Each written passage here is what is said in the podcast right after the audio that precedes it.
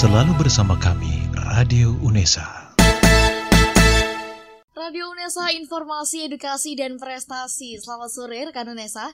Saat ini saya Farah sedang bersama dengan uh, Bapak dosen Bahasa Jawa, Bapak Sugeng. Halo Bapak. Halo. Selamat sore. Selamat sore. Bagaimana kabarnya Bapak? Baik. Sehat Luar biasa di tengah pandemi seperti ini tetap sehat ya Bapak. Tetap sehat, ya.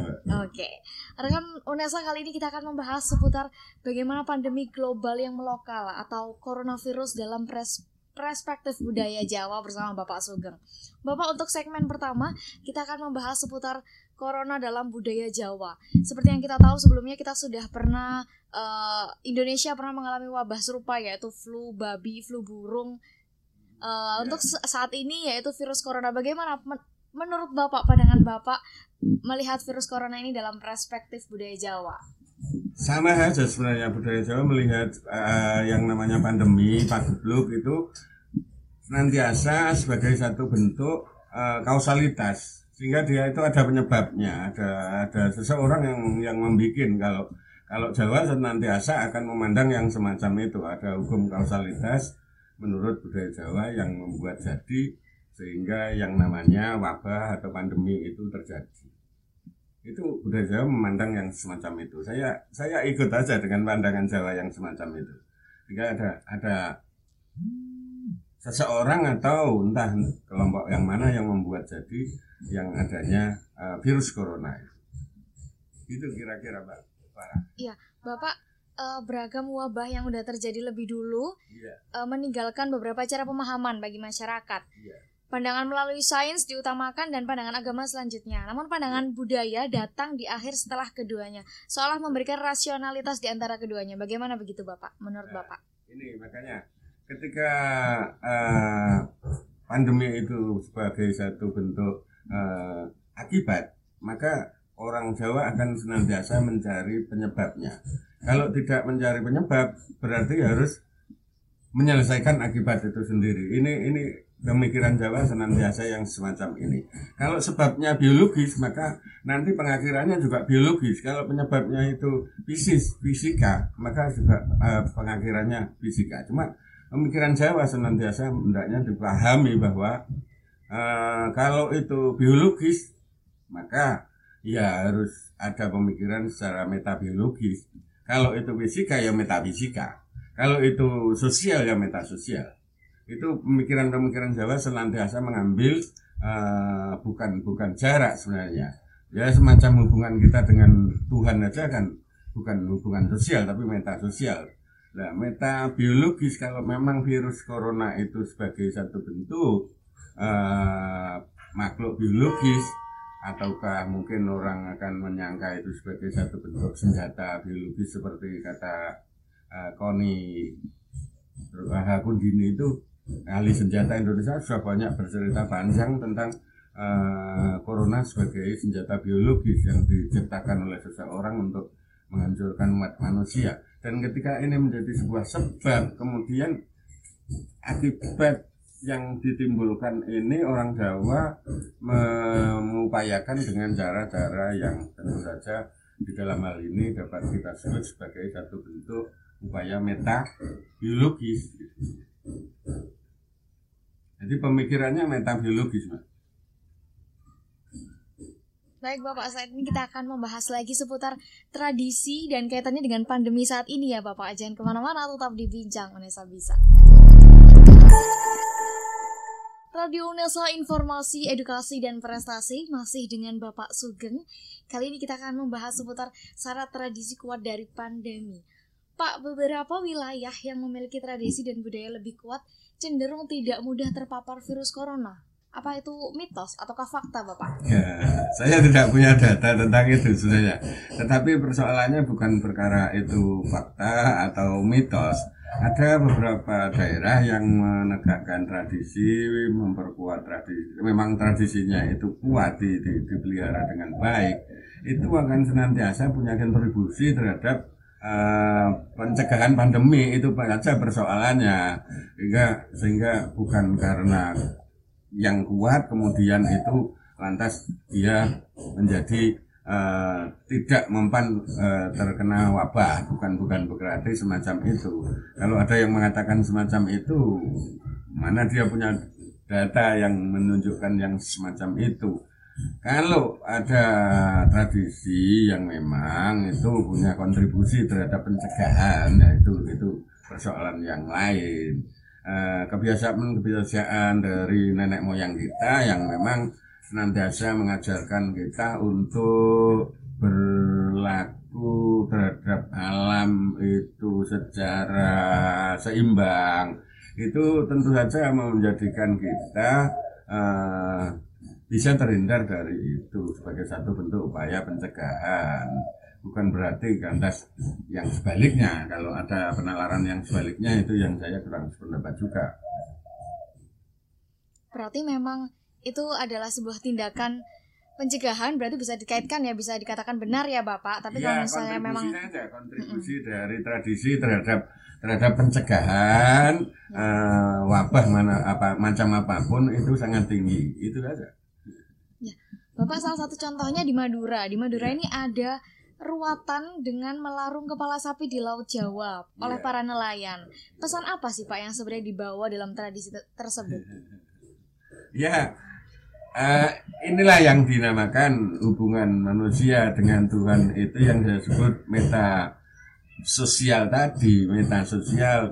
Sebagai satu bentuk hubungan manusia dengan Tuhan. Sementara kita di di di belahan bumi di, kita disuruh nyepi gitu. Kita disuruh nyepi disuruh untuk uh, berada di rumah. Ini kan sudah menunjukkan sesuatu yang yang memang apa namanya boleh dikata bahwa kita tetap berhubungan dengan urusan ini dengan Tuhan gitu.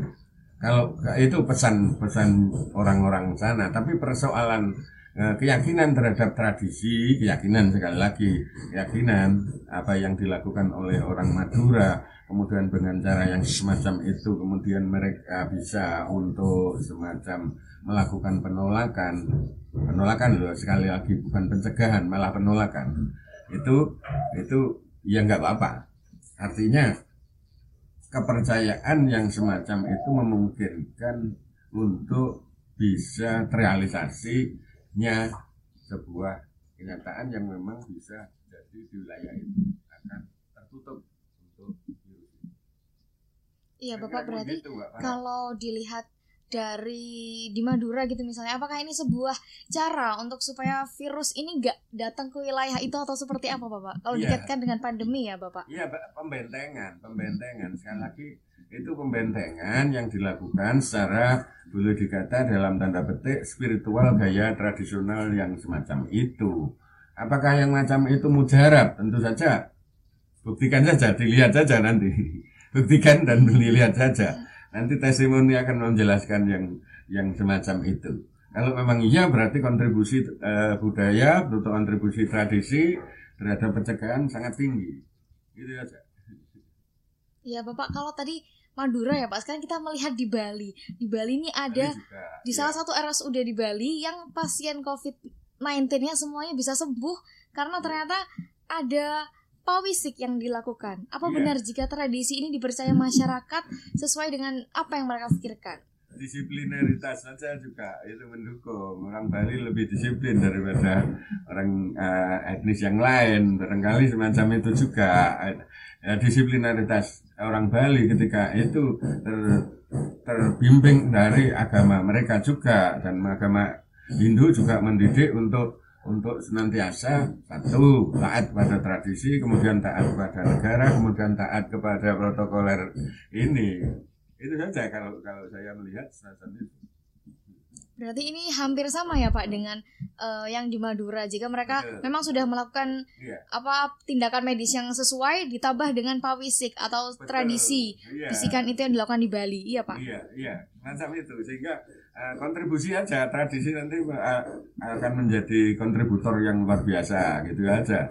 Kalau saya melihat semacam itu baik itu di Bali, di Madura, Jogja tradisinya kurang bagus begitu apa bagaimana?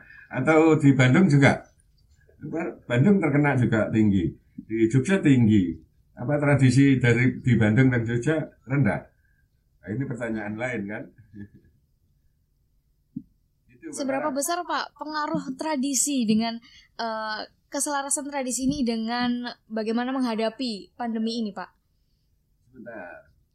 Uh, tradisi itu kan sebenarnya lebih banyak berurusan bagaimana manusia-manusia baik itu Jawa maupun Madura maupun Bali atau uh, Jawanya Jawa Jogja atau Jawa yang lain itu bagaimana mengatur diri hidup bersama alam hidup bersama makhluk yang lain hidup bersama dengan uh, keyakinan terhadap Tuhan itu. Ketika ini menjadi sebuah uh, sebuah perilaku maka ketika ada kontribusi terhadap yang namanya wabah kalau tadi wabah disebutkan uh, saya sebutkan sebagai satu bentuk itu akibat kemudian di sana ada penyebab tentu saja kan ada tarik menarik di sini gitu. sehingga apakah tradisi sekaligus itu menjadi benteng utama untuk e, mencegah corona. Nah, ini persoalannya jadi jadi nanti banyak orang yang sangat sangat tidak menyetujui juga. Itu, Mbak Iya, baik Bapak. Selain ini kita akan membahas seputar Sabdo Palon. Ini kan iya. kisah zaman Jayabaya ya Bapak. Jangan ke mana-mana, tetap yeah, dibincang yeah. Unesa bisa. Radio Unesa Informasi, Edukasi, dan Prestasi Gak bosan-bosannya Farah ngobrol dengan Bapak Sugeng Luar biasa Kali ini kita akan membahas seputar uh, Yang lagi viral di media sosial Yaitu Sabdo Palon Sebelum uh, kita membahas lebih dalam tentang Sabdo Palon Apa sih Bapak sebenarnya Sabdo Palon ini? Apakah ini kan sebuah syair yang bermakna Ataukah hanya sekedar syair biasa? Bagaimana Bapak? Bukan, persoalannya itu saya sendiri agak kacau melihat media sosial sekarang ya saya agak kurang percaya gitu saja uh, serat Sabdo Palon itu karya Ronggo Warsito Ronggo Warsito itu pujangga abad 19 kemudian dia bercerita tentang Joyoboyo atau tidak Sri Haji Joyoboyo menekap uh, raja di Kediri itu itu juga tidak jelas. Apakah itu sebagai satu bentuk ramalan juga tidak jelas. Sebagai karya Ronggo Warsito itu ramalan atau tidak? Itu tidak. Bahkan sama sekali kalau saya melihat itu bukan. Justru bercerita tentang sesuatu yang sudah terjadi sehingga dia menyebut Sabdo Palon gitu. Sabdo itu kata-kata, palon itu ponis. Ya, kata-kata yang menjadi ponis itu kira-kira ramalan atau bukan?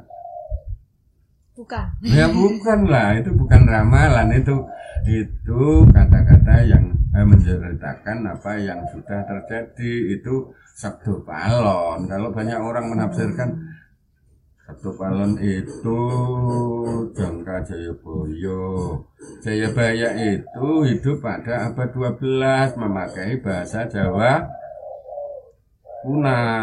Sedangkan yang ada di serat Sabdo Palon itu Jawa Baru, kemudian ada di situ tembangnya tembang Sinom, yang nggak ada pada zaman Kediri dulu, sehingga hati-hati di situ karena mengatakan mau Sabdo Palon itu ramalan Jayabaya nanti dulu siapa yang bilang semacam itu. itu, itu Berarti yang dikatakan itu. Ya, berarti yang dikatakan yang dikatakan di media sosial bahwa Sabdo Palon lagi janji atau ini adalah ramalan yang ternyata oh ini loh saatnya pandemi atau akan hancur gitu itu salah ya Bapak? Ya kalau Anda percaya dengan media sosial nggak apa-apa kalau orang semacam saya kan sulit untuk percaya terhadap media sosial. Yang perlu dicatat lebih tajam dan lebih dalam. Yang penting Sri Haji Joyoboyonya pengalaman Sri Haji Joyoboyo itu luar biasa ketika menangani pandemi luar biasa jadi bisa diceritakan Iya, ini yang jauh lebih penting yang perlu diteladani oleh banyak orang di dunia. Bahwa Sri Haji Joyoboyo ketika ada wabah di wilayah Jawa khususnya itu berupaya semaksimal mungkin supaya sang raja sendiri yang bisa mengatasi masalah. Dan ini tidak pernah ada oleh raja sebelumnya. Erlangga tidak semacam itu, tapi Sri Haji Joyoboyo sudah semua serahkan pada saya saja. Semuanya diam, saya saja yang mengurusi. Begitu.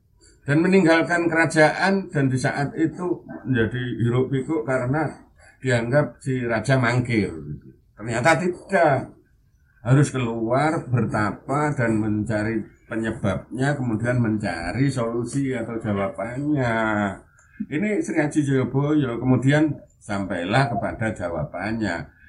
Sri Haji Joyoboyo tidak mengungkit-ungkit penyebabnya. Siapa yang membuat pagebluk ini, siapa yang membuat wabah ini. Itu tidak penting karena pengalaman dari Erlangga ini.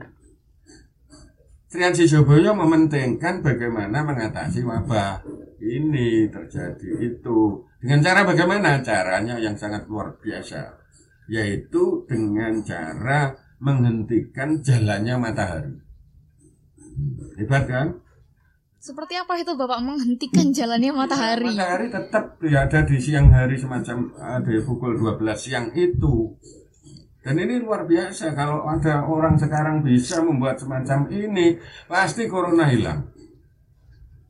Jaminan pasti corona hilang karena suhu udara panas. Dan virus corona tidak suka dengan yang panas. Apakah betul atau salah Cina itu membuat matahari sendiri sudah terjadi beroperasi 2020? Ini, ini persoalan.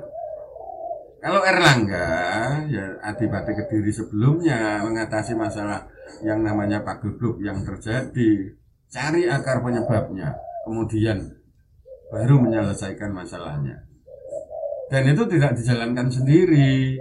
Erlangga tidak menjalankan sendiri. Erlangga menyuruh empunya yaitu empu Barodo, empu Barada itu. Empu Barada disuruh untuk uh, mencari tahu mengapa terjadi pagebluk yang semacam ini, menjadi uh, wabah yang pagi sakit sore mati. Sore sakit pagi mati. Oh, hampir seluruh penduduk habis karena adanya wabah itu. Sampai-sampai kan baru ditemukan bahwa penyebabnya adalah si Rondo Gira Rondo Gira itu siapa? Calon narang calon narang itulah yang membuat adanya uh, Pak Gebluk di Erlangga itu di uh, kerajaannya Erlangga itu. Dan mengapa ter, uh, yang namanya Rondo Girah itu membuat jadi adanya Pak Gebluk ternyata dia dipermalukan oleh keadaan bahwa anaknya sudah lewat umur belum menikah belum ada yang melamar ini ini persoalannya kemudian kalau begitu ya ini yang harus diselesaikan begitu kata uh, Empu Barada menyuruhlah Baula untuk menikahi anaknya itu yaitu si Retno Manggali. Ketika Retno Manggali itu uh, dinikahi oleh Baula, berangsur-angsur Pak Gebluk sudah menghilang. Lantas bagaimana supaya uh, Pak Gebluk ini tidak akan terjadi lagi? Yang namanya kitabnya si Rondo Girah itu diambil oleh Baola, dibawa ke si Empu Barada ambil sehingga kitab itu berisi bagaimana membuat jadi pagebluk, membuat jadi pandemi, wabah, membuat jadi dengan cara yang dinamakan dalam ilmu Jawa itu teluh, itu sudah hilang ilmunya kesaktian dari si Randogira calon narang itu menghilang karena itu. Dan ini ini cara menangani pandemi di masa air langga tapi di masa Jayabaya beda lagi luar biasa Jayabaya itu punya kemampuan yang hebat untuk menghentikan uh, matahari itu kita apakah ada di antara orang Indonesia yang bisa menghentikan matahari sepertinya belum ada bapak ya, kalau di Cina sekarang isunya membuat matahari dan sudah diberlakukan 2020 ini luar biasa juga dan Cina akan terbebas dari corona tentunya. Hmm. Gitu, Mbak ya. Para. Iya. Berarti ya Pak, kalau saya yang saya dapat ini dari penjelasan Bapak saya juga luar biasa baru tahu. Ternyata uh, Sabdo Palin ini bukan mengenai syair ramalan yang yang justru viral di media sosial tapi ternyata ada pesan yang ingin disampaikan. Nggak apa-apa silakan aja kalau ada yang mempercayai begitu. Orang suka-suka di media sosial ya nggak apa-apa boleh-boleh aja. Ya tapi ternyata dalam sabda pal ini ada sebuah pesan ya Bapak yang ingin disampaikan bahwa ketika kita menghadapi pandemi, apa sih yang harus kita lakukan? Kita harus dengan giat dengan bagaimana kita bisa mengatasi pandemi ini seperti Sri Aji Jayabaya yang luar biasa menghadap bisa menghadapi pandemi pada saat itu ya Bapak. Ya, maka dari itu Sri Aji Jayabaya ketika uh, melakukan upaya yang namanya menghentikan jalannya matahari ini adalah upaya yang luar biasa yang yang metabiologis gitu yang metabiologis luar biasa. Kalau sebabnya tentu saja berarti Al Sri Haji Jogoyo tahu bahwa itu sebabnya biologis gitu loh. Dari sebab biologis maka jawabannya metabiologis. Itu luar biasanya semacam itu. Dan Sri Haji Jogoyo tidak berlari ke sana kemari menyuruh orang, menyuruh empu seperti Air Langga. Air Langga kan menyuruh si empu berada untuk untuk bisa mencari tahu penyebabnya, kemudian solusinya apa itu. Sri Haji menangani sendiri sebagai seorang raja yang kesatria menangani sendiri dengan akhirnya menghentikan jalannya matahari itu selama 40 hari. Selama 40 hari sudah menyelesaikan masalah semuanya itu. Iya.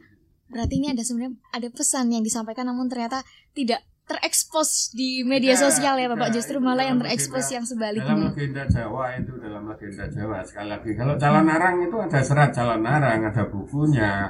Kemudian di tempat yang lain nanti ada serat mursodo. Di daerah dalam Jawa banyak buku-buku yang bercerita tentang menangani pandemi itu gitu.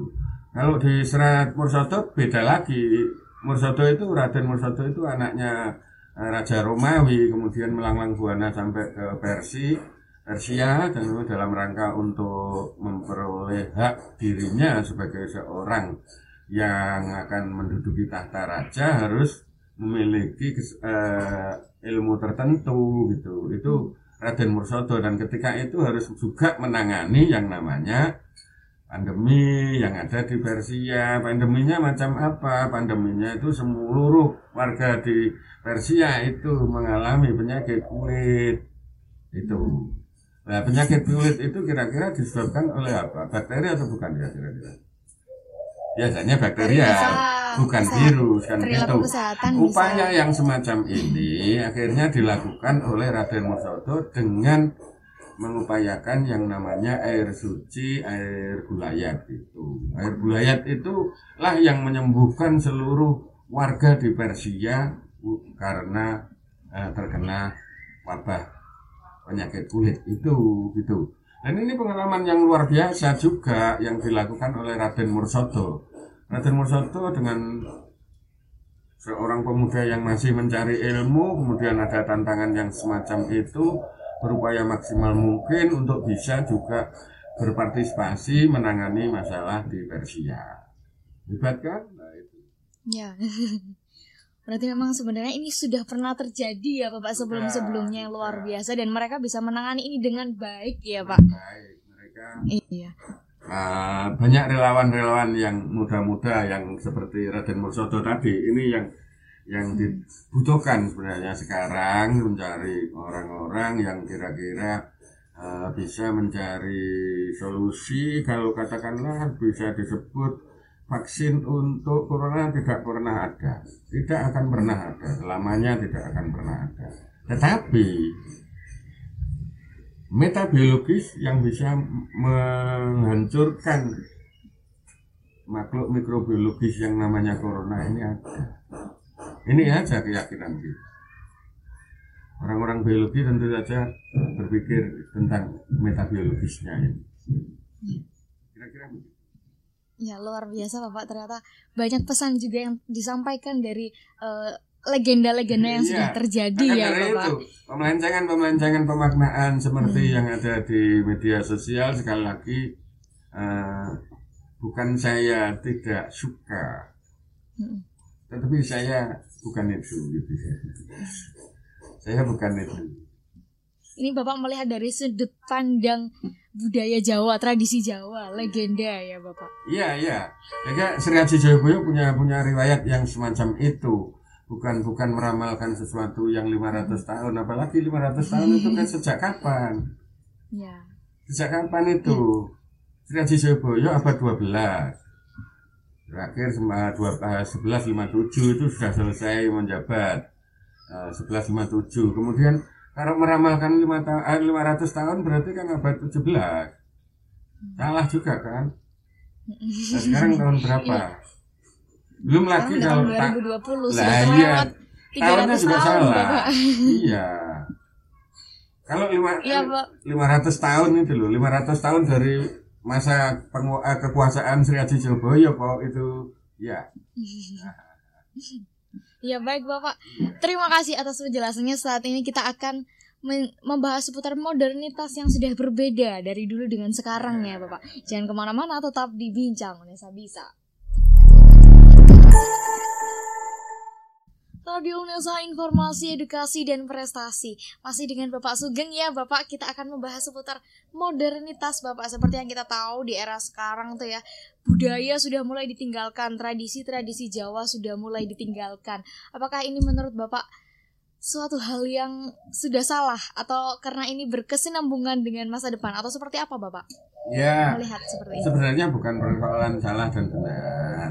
Sekali lagi eh, ketika orang meninggalkan tradisi eh, kemudian menggantikan dengan yang lain baik itu industri ataupun dengan cara gaya-gaya digitalisasi pada daerah sekarang ini bukan berarti salah dan benar.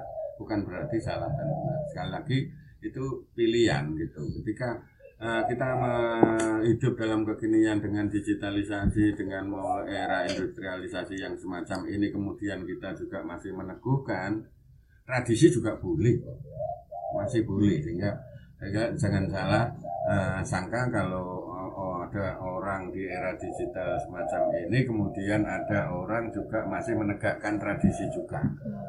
Persoalannya jadi tidak bisa kita katakan antara Salah atau benar ya, tradisi Bapak? bukan jangan jangan anda jangan anda benturkan antara tradisi dengan modernitas tidak senantiasa berbenturan gitu. tidak senantiasa berbenturan nanti dulu sehingga jangan anda anggap berbenturan sehingga bu- jangan dianggap sebagai satu bentuk salah dan benar tapi pilihan sekali lagi pilihan ada yang mencampur tradisi dengan modernisasi ada yang mencampur tradisi dengan digitalisasi. Ada yang mencampur tradisi dengan industrialisasi. Kayak gini sekarang ini. Sehingga jangan salah. Sangka kalau nanti ada orang Jawa kemudian membuat digitalisasi gamelan membuat digitalisasi tentang suara tembang itu. Nggak nggak nggak persoalan i- apakah itu berarti tidak mempertahankan tradisi? Dan ini justru sangat mempertahankan tradisi kira-kira begitu Farah Berarti kita nggak bisa ya Pak mengatakan ini adalah sebuah salah suatu hal yang salah atau benar. Tapi kalau misalnya pertanyaan diubah, apakah modern modernitas ini sebagai suatu hal yang melenceng dari tradisi? Bagaimana Pak? bukan bukan persoalan pemelencengan atau juga tidak. belum kita temukan satu kemasan yang memungkinkan bahwa tradisi berjalan dalam modernitas ini aja persoalannya Ya. kalau kalau ada orang menyalahkan bagaimana menjalankan tradisi di era kekinian itu saja Ya. itu aja kalau kalau anu. kemudian kalau eh, ini sudah ada maka luar biasa kita hidup dalam kekinian itu dengan tetap menjalankan tradisi dan kontribusi tradisi itu tentu saja banyak gitu aja Berarti memang ini kalau bisa dikatakan karena masalah waktu ya Bapak. Dulu dan sekarang. Karena ada terjadi transformasi perubahan-perubahan termasuk tradisi tadi ya Bapak. Kayak misalnya sekarang ini kita melihat ada PHBS atau pola hidup bersih sehat. Dikaitkan dengan eh, masyarakat Jawa yang suka minum wedang pokak. Itu berarti kan ada kesinambungan di antara itu Pak. Atau memang bagaimana? Itu adalah sebuah transformasi ataukah memang itu berdasarkan dari tradisi yang sudah ada. yang siapa yang mentradisikan sekarang selama corona ini eh, wedang koka itu Karena sudah banyak eh, minum-minuman kayak gitu kan membuat imun menj- menjadi bertambah. Kalau dari sisi kesehatan seperti itu, ini kita kaitkan dengan tradisi, Bapak. wedang koka gitu. Hmm. kemudian di wedang koka mengandung apa apa mengandung kalium atau mengandung yang lain yang bisa untuk meningkatkan imunitas. Ini persoalan-persoalan yang yang kadang-kadang orang-orang jadi latah semua itu. Oh, yeah. muka anu nang awak enak. Eh, suhu badan menjadi meningkat gitu saja. Yang penting kan suhu badan meningkat untuk bisa memanaskan tubuh gitu itu saja untuk menguatkan imunitas kan gitu tapi tidak melihat kandungan sendiri. Orang-orang biologis harusnya meneliti itu. Kalau sama-sama semacam itu yang kandungan kaliumnya tinggi kan ada di mengkudu itu. Mengapa nggak mengkudu? Ayo. Wedang mengkudu itu jus mengkudu atau eh, yang lain coba. Kalau atau kita sama-sama itu untuk meningkatkan imunitas. Kandungan kaliumnya tinggi itu. Persoalannya sekarang kalau apakah yang semacam ini juga juga tradisi gitu? Minum minuman eh, ya anu karya biologis lah. Ini tradisi. Belum tentu juga. Pokok ada di mana? Ini. Mbak Farah coba. Pertimbangkan dan pikirkan. Bagaimana eh, tradisi minum eh, pokak itu ada di tanah Jawa kalau di wilayah Tuban yang ada itu bukan pokak legen. Kemudian Ken. iya ada legen kemudian ada apa namanya toa gitu. Di wilayah Tuban. Apakah itu juga meningkatkan imunitas? Itu persoalan lain. Kalau di wilayah Probolinggo apa itu? Wedang tape. Dan jelas itu kalau wedang tape itu punya kandungan alkoholik yang luar biasa yang bisa meningkatkan suhu badan apakah itu juga menambah imunitas? Itu persoalan lain. Apakah itu tradisi? Nanti dulu. Hmm. kayak kekinian itu justru orang heboh-heboh. Wedang buka kemudian eh di Probolinggo wedang tape atau tidak? Gitu. Ini tanya mas ini. Wedang tape ya. Temanmu yang Probolinggo ini ya, ya. Gimana? Harusnya wedang tape ya. Itu di, digiatkan supaya untuk meningkatkan imunitas itu anu aja itu kalau saya apa itu kayak kekinian itu justru malah kayak kekinian Lata ya Bapak. Jadi semua minum minum semua. Iya, iya. Latah ya. Bapak, iya. Bapak kalau melihat masalah modernitas, bagaimana menurut Bapak modernitas saat ini yang sudah mulai meninggalkan eh, tradisi-tradisi yang sudah ada? Apakah itu ya tidak masalah selama Jangan- kita jangan modernitas. Modernitas sudah banyak pilihan. Ada late modernite, ada post modernite yang memilih dengan jalan yang sangat berbeda.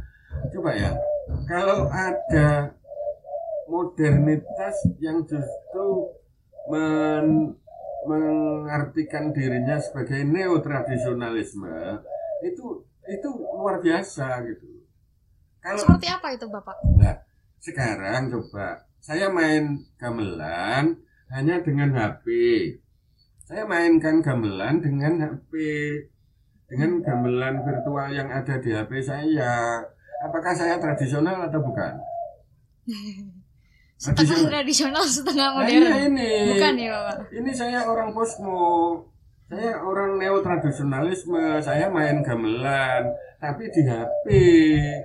Gamelan virtual.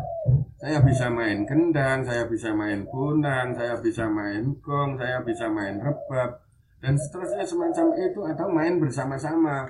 Lima orang saya pernah main gamelan dengan HP, gamelan digital. ITS pernah menyelenggarakan lomba karawitan digital. Hadiahnya 15 juta. Luar biasa ITS ketika itu. Ini ini, ini satu apakah ini orang meninggalkan tradisi? Tidak, ini mengemas tradisi di dalam kehidupan kekinian. Persoalannya sekarang, apakah kita dalam mengatasi wabah corona ini juga bisa hadir yang semacam ini gitu. Itu Pak Farah. Menurut Bapak gimana? Melihat Seharusnya bisa lah. Seharusnya bisa. Seharusnya bisa. Kalau kita menghadirkan eh, yang lalu, tradisi-tradisi masa lalu untuk bisa kita kemas dalam kehidupan sekarang untuk menjalankan perilaku frekuen, preventif terhadap corona itu bisa. gitu. Perilaku-perilaku masa lalu yang secara tradisional itu kita jalankan kemudian yang sekarang ini kita coba hidupkan kembali itu bisa perilaku bersih tadi perilaku bersih hidup bersih kemudian masuk cuci tangan kemudian masuk rumah cuci tangan siapa yang mau masuk ke rumah orang nanti juga cuci tangan kemudian menikmati minum yang ada di depan rumah itu kira-kira itu kalau kita kembang luaskan lebih lanjut bisa menjadi perilaku preventif terhadap uh, bukan saja yang namanya uh, virus corona. Kalau orang Jawa dulu mengatakannya bukan bukan virus gitu, juga bukan untuk menahan yang jelek-jelek kata banyak orang itu supaya nggak sawanen gitu saja. Nah ini satu ungkapan Jawa yang luar biasa supaya tidak terkena sawan. Sawan itu apa? Sawan itu goib, tidak tampak. Tapi virus kan tampak. Kalau virus kan tampak. Walaupun tidak tampak oleh mata kita, tetapi sesuatu yang tampak. Lah orang Jawa yang di yang dijaga justru yang tidak tampak tadi. Sesuatu yang tidak tampak. Apakah itu berupa makhluk halus? Bisa saja makhluk halus. Apakah itu bisa berupa uh, benda hidup tetapi tidak kasat mata seperti virus atau yang lain? Ya termasuk yang semacam itu. Yang dimelawan oleh tadi yang namanya sawan. Jadi kalau ada yang harus cuci tangan di depan rumah, cuci kaki di depan rumah, masuk ke rumah seseorang itu tulak sawan. Orang Jawa mengatakan itu. Ini saja kalau kalau kita teladani lebih lanjut untuk perilaku perilaku preventif. Berarti kita bisa dikatakan kita belajar ya Pak dari masa lalu dari apa tradisi yang telah terjadi gitu ya Bapak dilakukan dengan cara yang berbeda tapi sebenarnya sama ya Pak maknanya preventif maknanya preventif. Yang orang Jawa lebih banyak melakukan sesuatu sebagai satu bentuk upaya preventif. Iya. Baik Bapak. Uh, tadi Bapak sudah membahas seputar preventif. Setelah ini kita akan membahas seputar antisipasi diri Bapak. Bagaimana? Menurut Bapak jangan ke mana-mana tetap di bincang Unesa bisa Radio Unesa Informasi, Edukasi, dan Prestasi. Bapak Sugeng sebelum penutup ya, Bapak ada beberapa pertanyaan terakhir yang ingin saya tanyakan. Bapak ketika kita melihat kondisi saat ini, pandemi saat ini, kita melihat bahwa banyak sekali uh, yang dikaitkan dengan budaya dan tradisi yang ternyata tidak benar-benar uh, dengan perspektif Bapak adalah dua hal yang berbeda. Bagaimana Bapak menyikapi ini?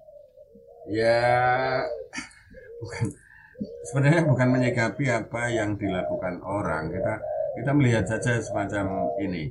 Uh, apa yang seharusnya kita uh, perbuat untuk untuk perilaku perilaku uh, preventif ini uh, dalam satu upaya supaya kita betul-betul punya aktivitas real yang bisa untuk melakukan pencegahan secara uh, dini. Itu saja.